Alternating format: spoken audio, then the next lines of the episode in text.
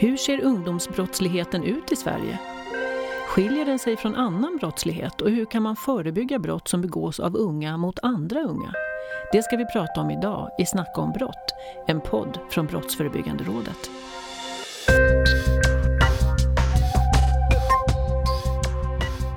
Vilken typ av brott är vanligast bland unga? Och finns det någon skillnad mellan tjejer och killar? Några svar finns i Brås skolundersökning om brott från december 2018 och i kortanalysen Brott i nära relationer bland unga som publicerades i juni 2018. Jag heter Monica Landergård och är pressekreterare på Brå. Med mig i studion idag har jag några gäster och eh, ni kan ju presentera er själva. Ja, jag heter Anna Frenzel och är utredare på Brå. Ja, Mattias Henriksson, jag är inspektör vid Citypolisens ungdomsutredningsgrupper i Stockholm.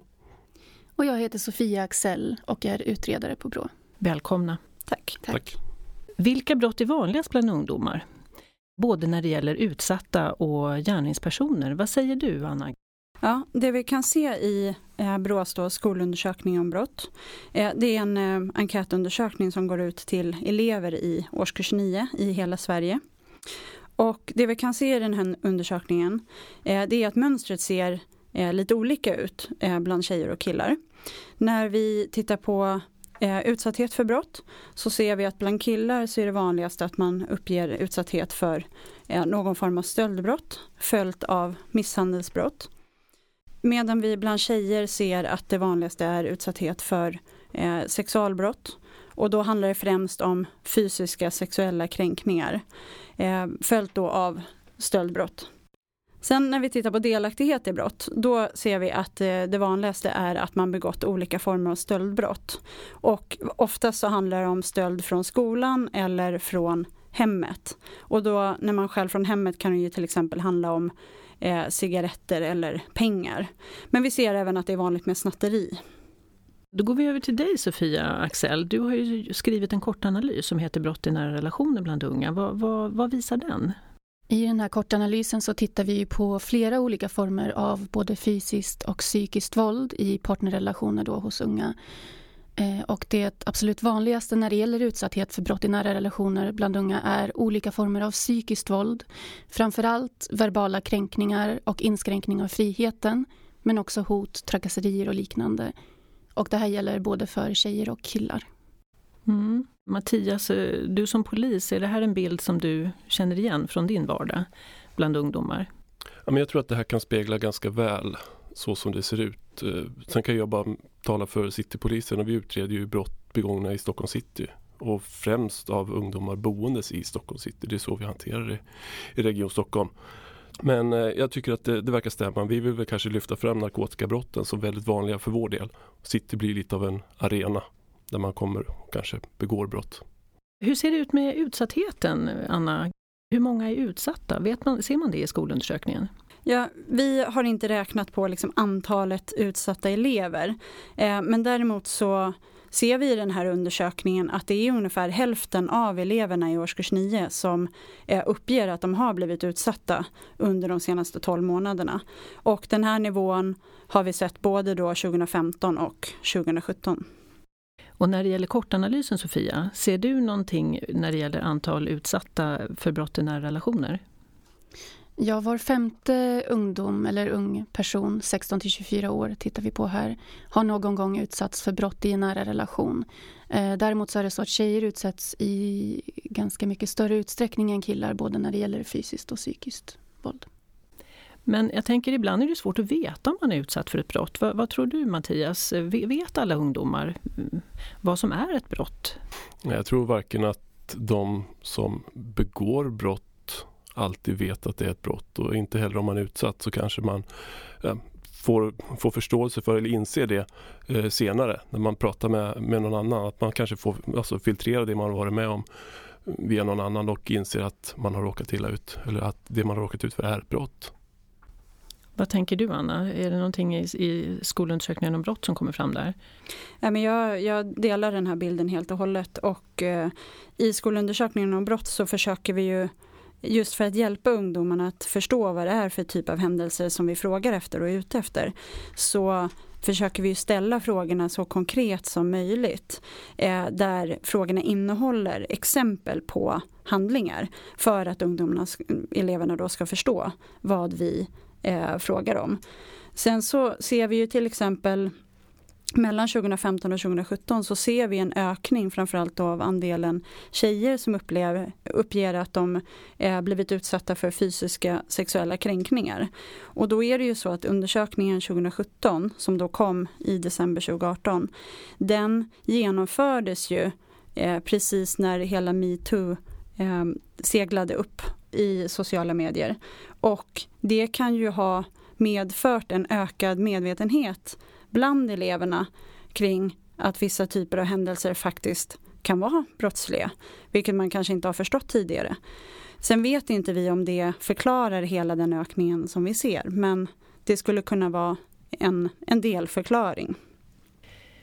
När det gäller våld i nära relation, hur, hur, ser det ut där Sofia? Är, är unga mer utsatta för den typen av våld än vad äldre är? Om man eh, jämför med en tidigare kartläggning om brott i nära relationer så var det övergripande lika många i befolkningen totalt som uppgav att de hade blivit utsatta någon gång under sin livstid för relationsvåld. Det vill säga en av fem, som för unga personer. Då. Men den undersökningen tittade också på utsatthet under föregående år enbart och då kunde man se att då var det unga vuxna som var särskilt utsatta och framförallt då tjejer. Mm. Mattias, är det här någonting som du känner igen från ditt arbete vid polisen? Ja, det kan vi se ibland. Eh, det finns just relationen, oftast kille-tjej, eh, som eh, man kan se den här lite typen av kontrollerande kille som, som kan träda fram ganska snabbt, även liksom bland, bland tonåringar. Där vi kan se det ganska tydligt, men att tjejen eller familjen inte ser det, eller kanske inte vill se det. Eh, men för oss så kan det framstå som väldigt tydligt att ja, man följer det mönstret. Lite grann om brotten, var, var sker de någonstans? Eh, vad, vad, säger skolundersökningen Anna? Ja, det vi kan se är att skolan är, och skolmiljön, eh, det är en eh, ganska vanlig eh, Eh, brottsplats. Både när det gäller eh, misshandel men också fysiska sexuella kränkningar, även rån. Då eh, ser vi i den här undersökningen att skolan verkar vara den vanligaste brottsplatsen. Eh, tittar vi på hot så sker ju de ofta via internet och sociala medier men det förekommer ju även då verbala hot som sker i skolmiljön. Men vad säger du Mattias, är det här en bild som du känner igen från polisen? Ja, vi kan ju se att många av de utredningar vi har eh, antingen börjar eller utspelar sig i, i skolmiljö. Och det är väl fullt naturligt för det är där ungdomar ska befinna sig på dagarna. Eh, och kombinerat givetvis med sociala medier för där, där sker ju otroligt mycket, kanske i en kombination med att man befinner sig i skolan också. Så att eh, där har man liksom, är man utsatt så kanske man bär med sig den här förövaren i fickan rent ut sagt. Eh, så det, det kan ju vara en väldigt jobbig situation för dem som, som är utsatta. När det gäller just kränkningar och påhopp på nätet, är det vanligt att unga utsätts för det? Eh, Anna, vad säger du? Ja, vi ställer ju eh, frågor om det i skolundersökningen om brott. Och det vi kan se är att ungefär var fjärde elev eh, uppger då att de någon gång har utsatts för att någon antingen har skrivit kränkande saker om dem på internet. Eh, och eh, vi ser också att var femte elev ungefär, eh, de har utsatts för att någon har lagt upp bilder eller filmklipp på en som man inte ville då att de skulle spridas. Och det, det här är något vanligare bland tjejer jämfört med bland killar som vi kan se i undersökningen. Och tittar vi eh, över tid på de två senaste undersökningarna då ligger nivån eh, ungefär på samma för 2015 och 20, 2017 så det verkar inte ha hänt så mycket eh, i utvecklingen där. Hur ser det ut i kortanalysen, eh, Sofia? Kan man se någonting där om hot och kränkningar och påhopp på nätet? Ehm, det finns ingen eh, sån eh, information i den här kortanalysen men det kommer en kortanalys framöver under 2019 som kommer specifikt att handla om just utsatthet för nätkränkningar och hot på nätet. Och den kommer bland annat att titta på hur det ser ut i olika åldrar så att man också får se hur det ser ut för just unga. Då. Hur är det inom polisen då Mattias? Möter ni det här mycket med ungdomar som är utsatta på nätet? Ja, det kommer titt som tätt eh, ärenden av den karaktären och eh, det är en stor utmaning för oss att, att lyckas eh, hänga med i, i, i det. För att eh, det är ständigt nya plattformar som vi ska försöka få, få in information ifrån om vi ska utreda det här. Och jag tror att det här är den typen av brott där man kanske inte alltid inser att det man gör eller det man skickar eller säger kan vara brottsligt. Så att eh, man ska verkligen tänka sig för. Dels på vad man säger och gör men också vad man delar med sig av. För det man en gång har släppt ifrån sig i form av en bild vet man aldrig vart den tar vägen sen. Och då är det väldigt lätt att den används på ett sätt där man blir ett offer. Och det kanske var en situation som inte alls var tänkt att man skulle hamna i någon form av utsatthet från början. Men spridningarna av, eh, av bilder och så vidare och filmer är ju ett, ett stort problem många gånger för att man är obetänksamma med vad man delar med sig utav och sen hur man också sprider sånt som man kanske har filmat. Men hur kan man lära ungdomarna eller göra att de blir mer medvetna om den här problematiken? Ja, och jag tänker också just att skolan har en väldigt viktig roll. Ja, men skolan kanske till exempel skulle kunna ordna temadagar där man har olika workshops och kanske lite rollspel just för att få eleverna att sätta sig mer in i olika situationer och tänka efter kring hur skulle det kännas om det här hände mig? Hur skulle jag känna om jag gjorde så här mot någon annan och sen får jag veta att den här personen kanske blir ledsen eller ja, illa berörd av, eh, av det, det som har hänt. Um, ja, nej, så att skolan har en väldigt, väldigt viktig roll tänker jag. Ja, och jag passar på att flika in här att det gäller även eh, att eh, relationsvåld och att kunna prata om eh, förekomsten av relationsvåld som ett problem som förekommer faktiskt även bland unga.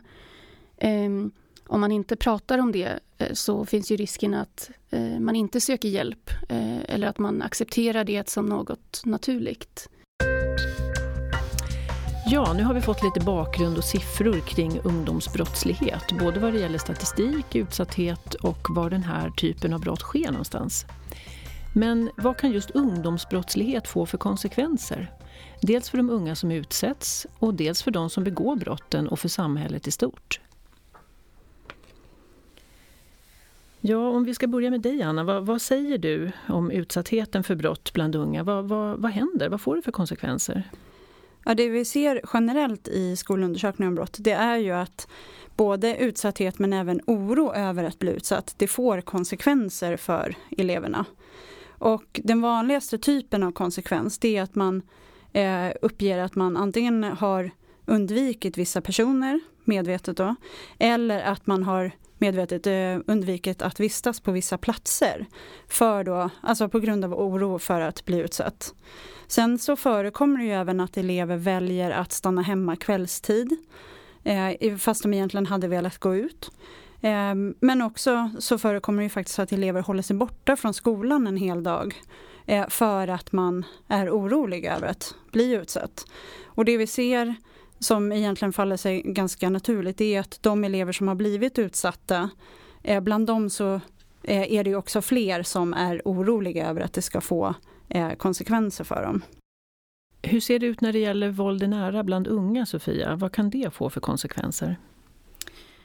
Vi kan se att om man har blivit utsatt för någon form av våld av sin partner eller för detta partner så oroar man sig mycket oftare för att bli utsatt igen um, än om man inte har blivit utsatt till att börja med. Och det gäller framförallt tjejer. Um, sen uh, kan inte den här kortanalysen säga så mycket om de långsiktiga konsekvenserna men det finns internationella studier som visar att tjejer oftare än killar uppger att de känner rädsla eller får andra men eller negativa känslomässiga konsekvenser av just uh, relationsvåld. Hur möter du konsekvenserna i din vardag som polis, Mattias? De som vi träffar på som har råkat ut för brott, våra målsägare i, i våra ärenden, det, vi ser det här också delvis. Det är inte någonting som är drastiskt förekommande men vi ser det. Eh, den här oron som kan dyka upp och, och det som, som nämnts också med att man kanske stannar hemma från skolan eller man undviker att mm, befinnas på vissa platser eller så. Man gör inskränkningar i sin vardag så kan man säga. Det ser vi ibland. Eh, vi ser också den här rädslan för att vilja vara med och bidra i en utredning. Och ibland är det ungdomen själv och ibland är det en förälder som sitter på den här rädslan. Vilket vi tycker är otroligt tråkigt för att vi vill ju kunna tillvarata målsägarnas rätt om det går i en utredning. Så att, eh, vi, vi strävar efter att bemöta alla på ett sätt och försöka ge dem en trygghet att, att delta i utredningen. För att eh, nå så långt vi kan och det är inte alltid som vi når i mål men det är viktigt att de vi möter känner sig sedda, hörda så att vi kan komma till ett avslut. Vårt arbete med ungdomsutredningar ur ett generellt perspektiv det är att vi har ju tidsfrister att förhålla oss till också. Så att eh, en skyndsamhet vill man ju ha från lagstiftarens sida i hantering av ungdomsärenden. Och vi kan ju också se hur eh, det här perspektivet på tid bland ungdomar eh, det blir så tydligt att eh, de har lite annan tidräkning ibland. Två veckor kan vara en evighet och då har vi då ärenden som har dröjt ett halvår. Då, då kan det bli väldigt svårt att, att nå framgång i, i en sån utredning. Många har ju gått vidare så trots att man har varit med om någonting för den som tittar utifrån ganska allvarligt så, så kanske man på något vis lägger det bakom sig eller stuvar undan det någonstans. Om det är till det bättre, det tror jag inte utan det, det bästa är nog om vi, om vi kan hantera det så snabbt som möjligt. Eh, det är inte alltid vi lyckas men vi, vi har en strävan och det finns eh, från lagstiftarens sida som sagt en, en ambition att det här ska vara skyndsamt hanterat. Om man har blivit utsatt för någon form av våld av sin partner eller före detta partner så oroar man sig mycket oftare för att bli utsatt igen än om man inte har blivit utsatt till att börja med. Och det gäller framförallt hos tjejer. Sen finns det också studier internationellt som visar att tjejer oftare än killar uppger att de känner rädsla eller får andra men eller negativa känslomässiga konsekvenser av relationsvåld. Och som med allt relationsvåld när det gäller inskränkningar av friheten, kontroll, våld, sexuellt utnyttjande och så vidare så är ju risken att det normaliseras eh, hos den utsatta och att det därmed leder till eh, upprepad utsatthet antingen av samma partner eller en ny partner. Du menar att man tar med sig det här beteendet in i en ny relation, att den risken finns? Man kanske tänker att det är så här det ska vara. Om man är en ung människa som inte har så mycket erfarenhet också av relationer, av sunda relationer, så finns ju, kan ju man tänka sig att den risken finns. Vad är viktigast för att förebygga ungdomsbrottslighet? Hur kan polisen arbeta på bästa sätt och vart kan unga som är utsatta för brott vända sig för att få stöd och hjälp? Hur kan man förebygga olika typer av ungdomsbrott och hur arbetar polisen? Vad, vad, har ni för framgångsfaktorer och utmaningar? Vad säger du Mattias? Ja, återigen så får jag poängtera att jag talar för Stockholm Citys räkning och eh, det, och den erfarenhet jag har från vårt arbete det är ju att har vi en yttre resurs som jobbar riktat mot ungdomar så är ju det en stor framgångsfaktor. Det blir relationsbyggande, man kan nätverka med, med de enheter, andra enheter som finns ute. Dels inom vår egen organisation men också inom, inom socialtjänst eller Stockholms stad då, med, med de fältassistenter. Och, ja, det finns en, en uppsjö olika eh, organisationer som jobbar ute mot ungdomar. Men risken om vi inte finns där så plockar vi inte upp informationen och vi kan inte jobba proaktivt. Det kan vara dels att, att upptäcka och beivra brott men det kan också vara att upptäcka ungdomar med riskbeteenden i riskmiljöer och annat och kunna ja, agera lite tydligare. Ibland så blir det en väldigt tydlig signal när det är polisen som ringer hem eller som kommer hem med en ungdom som har befunnit sig på fel plats eller som har gjort fel saker. Jämfört med om socialtjänsten hör av sig och säger vi har fått de här signalerna.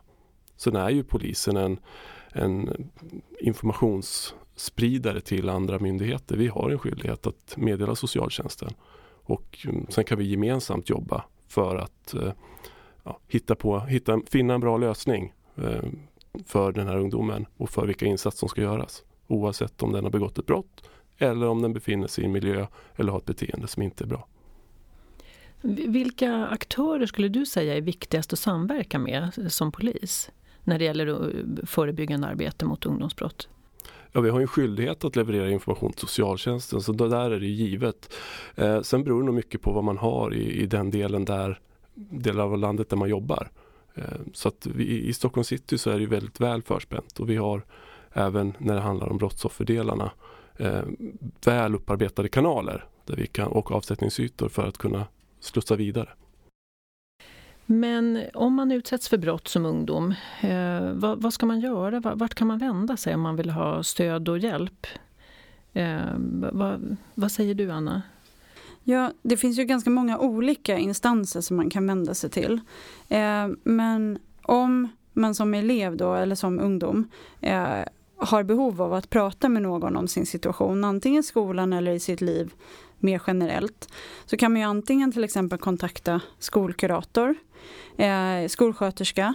Eh, det finns ju också många ungdomsmottagningar ute i landet. Man kan till exempel gå in på umo.se och där finns alla ungdomsmottagningar i Sverige listade. Så då kan man hitta vilken som ligger närmast där man bor. Sen kan man ju även kontakta BRIS, antingen på deras hemsida bris.se, men de har också en eh, stödtelefon som man kan ringa. Och det telefonnumret är 116 111. Sen så kan man till exempel även eh, gå in på eh, BUPs hemsida, bup.se, eh, för att få stöd och hjälp också. Men när det gäller våld i nära relationer bland unga, Sofia, vad, vad, det är ju en, en väldigt eh, speciell och, och, allvarlig typ av brottslighet. Eh, vad kan de vända sig, de som utsätts för den typen av brott? Ehm, dels kan man ju försöka vända sig till de aktörer som Anna nämnde också. Men det finns ju även eh, till exempel Kvinnofridslinjen som kan ge stöd och som har mycket kunskap om framförallt då hjälpinsatser för tjejer och kvinnor. Och de har också en hemsida med mycket bra information. Brå har också gett ut ett faktablad för just unga då som eh, upplevt relationsvåld eller upplever relationsvåld. Och där finns det sammanställt vilka olika aktörer som finns och hur de kan hjälpa. Och ett par exempel på sådana det är till exempel sidan killfragor.se där man kan chatta med någon om sina problem. Eller ungdomsjouren Tusen möjligheter eh, tusenmöjligheter.se som arbetar förebyggande och stödjande. Vad säger polisen då? Vad, hur gör ni med ungdomar som är utsatta och som behöver stöd och hjälp? Hur kan ni hjälpa dem? Ja, har de kommit till, till oss så är ju vår ambition att alla ska ha ett bra bemötande från oss som poliser så att man känner att man, att man har fått det. Eh, och sen så finns det, har vi vissa skyldigheter. Att har vi en, en situation med misstänkta eh, oavsett hur eh, ärendet går eller om det erkänns eller inte så, så ska vi mm, ja, initiera eller lansera möjligheten till en medling det hanteras i, för vår del av eh, Framtid Stockholm som är en del av Stockholms stad. Eh, så det är inte poliser som hanterar det utan men där ges man en möjlighet att eh, kunna mötas målsägare och misstänkt. Och det här är en lagstadgad eh, ett lagstadgat moment i bland ungdomsutredningar. Och eh, den bild jag har är att det är bra resultat ifrån den här typen av möten. Men hur är det, vågar man så, om man har varit utsatt för ett brott som ungdom, vågar man alltid möta den som har liksom utsatt en för det här brottet? Det kan ju vara en ganska jobbig upplevelse. Ja, jag tror att det kan upplevas som, som en konstig fråga att få. Eh, men det är vi egentligen, vi som poliser initierar egentligen en kontakt mellan den här medlaren och målsägaren och samma sak med, med misstänkta. Och de gör en bedömning separat med de här två personerna, gällande de här personerna innan man då har ett möte, om man har ett möte. Så de, de gör bedömningen om, om det kan anses vara lämpligt. Men eh, den bild jag har fått är att det är bra. Sen har Framtid Stockholm även eh, en del i sin verksamhet som är eh, ett stödcentrum där dit vi kan eh, ja, slussa målsägare och de ges en möjlighet som ett komplement till mycket av det andra som har nämnts. Och man får då prata, kan ha möjlighet att få prata med, eh, med personer som är vana att prata med, med brottsutsatta ungdomar. Och, eh, det är också en väldigt, väldigt bra resurs eh, som även riktar sig till, till anhöriga till brottsoffer. För det kan ju vara svårt som förälder att ha en, en brottsutsatt tonåring hemma som till exempel ja, en, börjar ändra sitt, sina vanor eller inte vill gå till skolan och så vidare. Så att, eh, det kan vara skönt att få det här stödet. Eh, så det, det är väl en, en del i vår verksamhet eller Stockholms stads verksamhet som, eh, som vi kan flagga för. Då tackar jag er för att ni kom idag och var med i den här podden.